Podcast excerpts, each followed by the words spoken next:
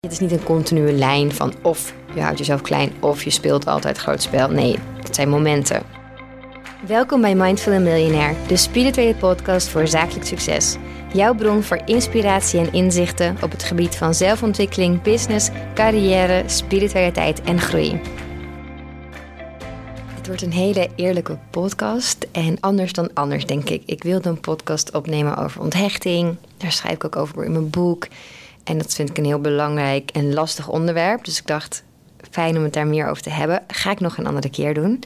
Waar ik het nu over wil hebben is bescheidenheid. En je kan het misschien zien als een van de goede virtues, van je kernwaarden. En dat heb ik eigenlijk ook altijd gedaan. Maar ik merk nu dat ik het los mag laten. Dat ik iets minder bescheiden mag zijn. Iets meer mezelf mag zijn misschien wel. En dat vind ik super lastig. Maar ik zit nu in zo'n heel proces. Dus ik dacht, dit is en heel goed voor mij om het uit te spreken, want het is spannend. Maar daarom ga ik het gewoon doen. En misschien ook goed voor jou om te zien waar ik mee zit en hoe ik daarmee omga. En wat ik daarmee doe, wat ik daarvoor doe en waarom ik het los wil laten. Ik denk dat heel veel vrouwen heel bescheiden zijn. heel veel mannen ook hoor. Maar ik denk dat het vrouwen net iets meer eigen is. En het is heel mooi. En het wordt natuurlijk ook eens gezien van, oh, heel prijzenswaardig, niet arrogant, humble. Maar er zit ook een keerzijde aan. En dat je jezelf dan niet serieus genoeg neemt. Zo zie ik dat bij mezelf. Soms stel ik me zo bescheiden op dat ik mezelf veel kleiner maak dan dat ik daadwerkelijk ben. En dat is niet nodig. Ik kan alsnog humble, dankbaar, down to earth, niet arrogant zijn, maar ook gewoon mijn succes ownen. Ownen wie ik ben, ownen wat ik wil en daarvoor gaan staan. En niet altijd mezelf zo klein maken. Ik mag gewoon playing big zonder arrogant te zijn. En ik vind het een heel lastig speelveld. En ik denk dat ik vroeger wel. Vroeger was ik niet zo bescheiden, denk ik, als nu. Ik denk dat door misschien een paar opmerkingen of meer nog in mijn eigen hoofd ook, dat ik dacht van, oh, wat denken ze wel niet? Omdat het zo goed ging. Dat ik altijd dacht van, oh ja, ik moet wel heel bescheiden blijven, want het gaat zo goed. En wat zullen andere mensen wel niet van denken? En worden andere mensen jaloers? Dus ik ging dat al helemaal invullen. En natuurlijk heb ik ook wel jaloerse opmerkingen gehad. Maar nog meer in mijn eigen hoofd is dat gaan spelen. En dat dient mij niet meer. Want ik wil gewoon gaan staan waarvoor ik ben.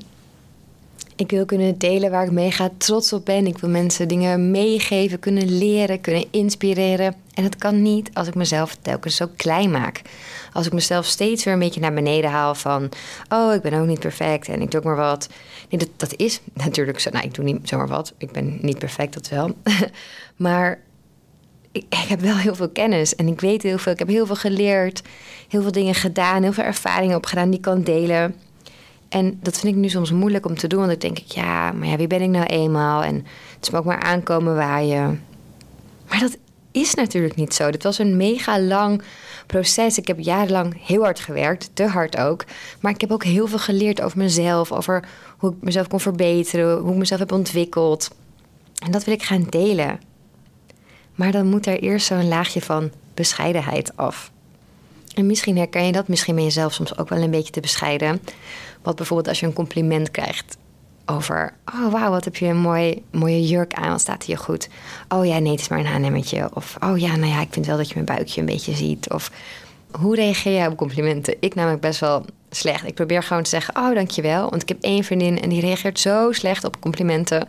Dat is gewoon bijna vervelend. Dan voel je haar schuldig dat je compliment hebt gegeven. Dus tegen haar zeg ik altijd, zeg nou gewoon, oké, dankjewel Steffi, wat lief. Dat is leuker voor mij en leuker voor jou. Dus ik probeer daar al wel in te groeien. Dat ik zeg, oh, dankjewel. In plaats van iets te verzinnen om me maar down te playen. Maar in mijn zakelijke leven heb ik dat nog wel dat mezelf heel erg downplay. Dat dus bijvoorbeeld heel veel mensen helemaal niet weten dat ik een groot kantoor heb. Heel veel mensen denken dat ik het alleen doe, wat niet erg is. Maar blijkbaar praat ik er niet over of laat ik dat niet zo zien. En het is natuurlijk gewoon onderdeel van wie ik ben. Dus ik mag het daar ook gewoon over hebben. Ik hoef dat niet te verbergen. En het grappige is misschien, want door de titel Mindful Miljonair denken mensen, oh, die laat zich heel erg aanstaan op dat miljonair zijn. Dit was voor mij ook wel een titel echt way out of my comfort zone. Maar verder doe ik dat dus eigenlijk helemaal niet zo. En we hadden laatst een tijdje geleden een feestje bij mij thuis om een boek te vieren met wat vrienden en buren en collega's. Heel klein hoor. Nu lijkt het of er honderd mensen waren, maar we zaten gewoon aan tafel. maar het was een hele gekke samenstelling, want eigenlijk kende niemand elkaar heel goed.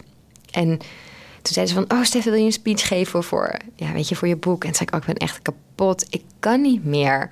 Normaal vind ik het heerlijk om een speech te geven, maar ik kon niet meer. Dus toen zei iemand opeens, we gaan allemaal iets over jou zeggen. En dat was super lief, heel ontroerend. Ik moest aan het eind ook echt huilen. Maar het grappige was dat ik denk echt iedereen heeft gezegd, ja, je bent zo bescheiden. En toen dacht ik, ja, dat is wel heel mooi. Maar ben ik niet een beetje te bescheiden? En sindsdien, dus een paar weken geleden, is dat thema gaan leven. En krijg ik dat echt van iedereen terug. Je bent zo bescheiden en er zit zoveel kracht in jou, maar die lijkt er vaak niet echt uit te komen omdat je jezelf zo klein houdt. En toen dacht ik, wanneer is dit gebeurd? Ik denk dat ik vroeger niet zo was. Maar wat ik dus net al zei, dat ik meer zo ben geworden. Omdat ik bang ben voor reacties van anderen. Omdat ik bang ben echt te gaan shinen. En wat ik jou wil meegeven is: dit is niet een continue staat. Ik hou mezelf niet altijd klein. Weet je, zet me op een podium en ik shine, ik straal. En soms kan ik ook wel. Ik bedoel, ik deel wel dan zo'n lijstje waar ik in sta met miljonairs onder de 40, omdat ik daar toch ook wel dan een beetje trots op ben. Dus ik hou mezelf niet altijd klein, maar overal wel. Dus ik hoop dat je bij jezelf kan nagaan van: hé, hey, weet je, het is niet een continue lijn van of je houdt jezelf klein of je speelt altijd groot spel. Nee, het zijn momenten. En misschien kun je bij jezelf nagaan van wanneer was de laatste keer dat je jezelf te klein maakte? En waar mag jij wel iets hoger spel spelen van jezelf? Wat zou je willen doen, maar durf je niet echt? En ik herken het in mezelf heel erg dat ik dan zeg van... Ja, weet je, zo moeilijk is het ook allemaal niet. En ik doe ook maar wat. En ik heb ook geluk gehad dat soort zinnen zijn bij mij, herken ik nu van dat ik mezelf klein hou tegenover iemand anders. Omdat ik denk van, oh, dat is anders vervelend voor die ander. Of die gaat zich dan vergelijken. Of ik zit dan allemaal dingen in te vullen voor die ander, wat helemaal niet nodig is. Dus daarin herken ik het bij mezelf. Bij anderen herken ik het vaak in de als-dan constructies. Van als ik deze opleiding heb gedaan, dan ga ik dit en dit doen. Als ik over een paar jaar meer ben gegroeid, dan ga ik dit en dit doen. Maar dat zijn eigenlijk vaak gewoon barrières die we onszelf opleggen, die helemaal niet nodig zijn. Maar het grappige is, dit herken je veel sneller bij iemand anders dan bij jezelf. Want bij jezelf denk je, nee, maar dat is ook zo. Ik moet ook deze opleiding afmaken. Ik moet ook eerst wat ouder en wijzer zijn voordat ik andere mensen kan helpen. Ik moet eerst meer meegemaakt hebben voordat ik een boek kan schrijven. Dus voor jezelf klinkt het als een heel legaal excuus. Maar waarschijnlijk denken anderen van, oh ja, nee, dat is iets waarin zij zich klein houdt. Dus ik ben benieuwd, een opdracht als je durft kun je aan iemand anders vragen, iemand die dicht genoeg bij je staat, maar die ook eerlijk durft te zijn. Hey, waarin zie je dat ik mezelf klein maak? Is er iets dat ik niet doe waarvan je denkt dat ik het gewoon moet doen, omdat ik het niet durf? En waar verzin ik dan die excuses voor? Misschien een goede vriendin of een goede collega. En dan ben ik heel benieuwd wat je terugkrijgt. Bij mij was het eigenlijk met een cursus. Ik wilde heel graag een cursus geven. Dat heb ik ook wel echt een keer eerder gedaan. Maar nu is het met een thema dat ik denk, oeh, dat vind ik spannend, maar ik heb hier echt iets over te zeggen. Ik ga nog niet verklappen wat het is, dat komt later allemaal nog wel. Ik heb hier iets over te zeggen, maar ik vind het ook wel een beetje spannend. En dan wil ik het later doen en voor me uitstellen.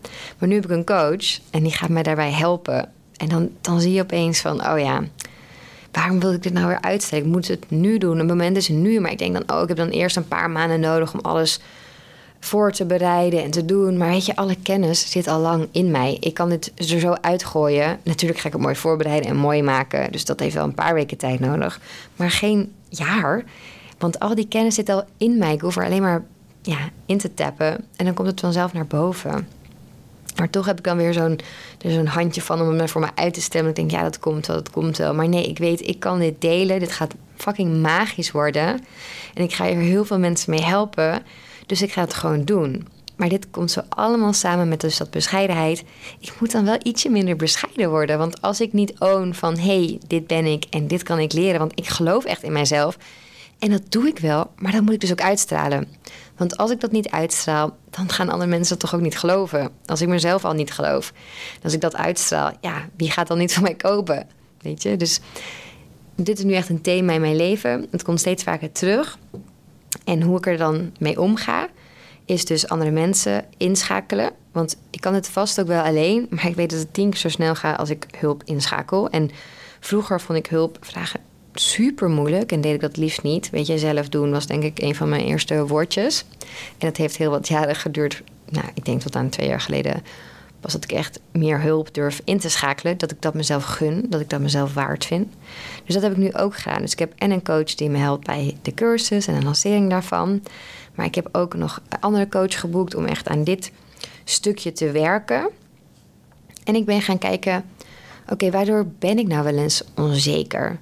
Waardoor voel ik me nou dus wat minder? En dat klinkt misschien heel gek, maar waar ik me best wel soms kut over kan voelen, is dat ik best wel roos, vooral als ik stress heb. Het is een soort reactie. En dan voel ik me echt naar over nou ja, ik denk dat je dat voor kan stellen. Als mensen dat zien, dan vind ik dat gewoon heel vervelend. En dan, dan hou ik mezelf maar liever binnen.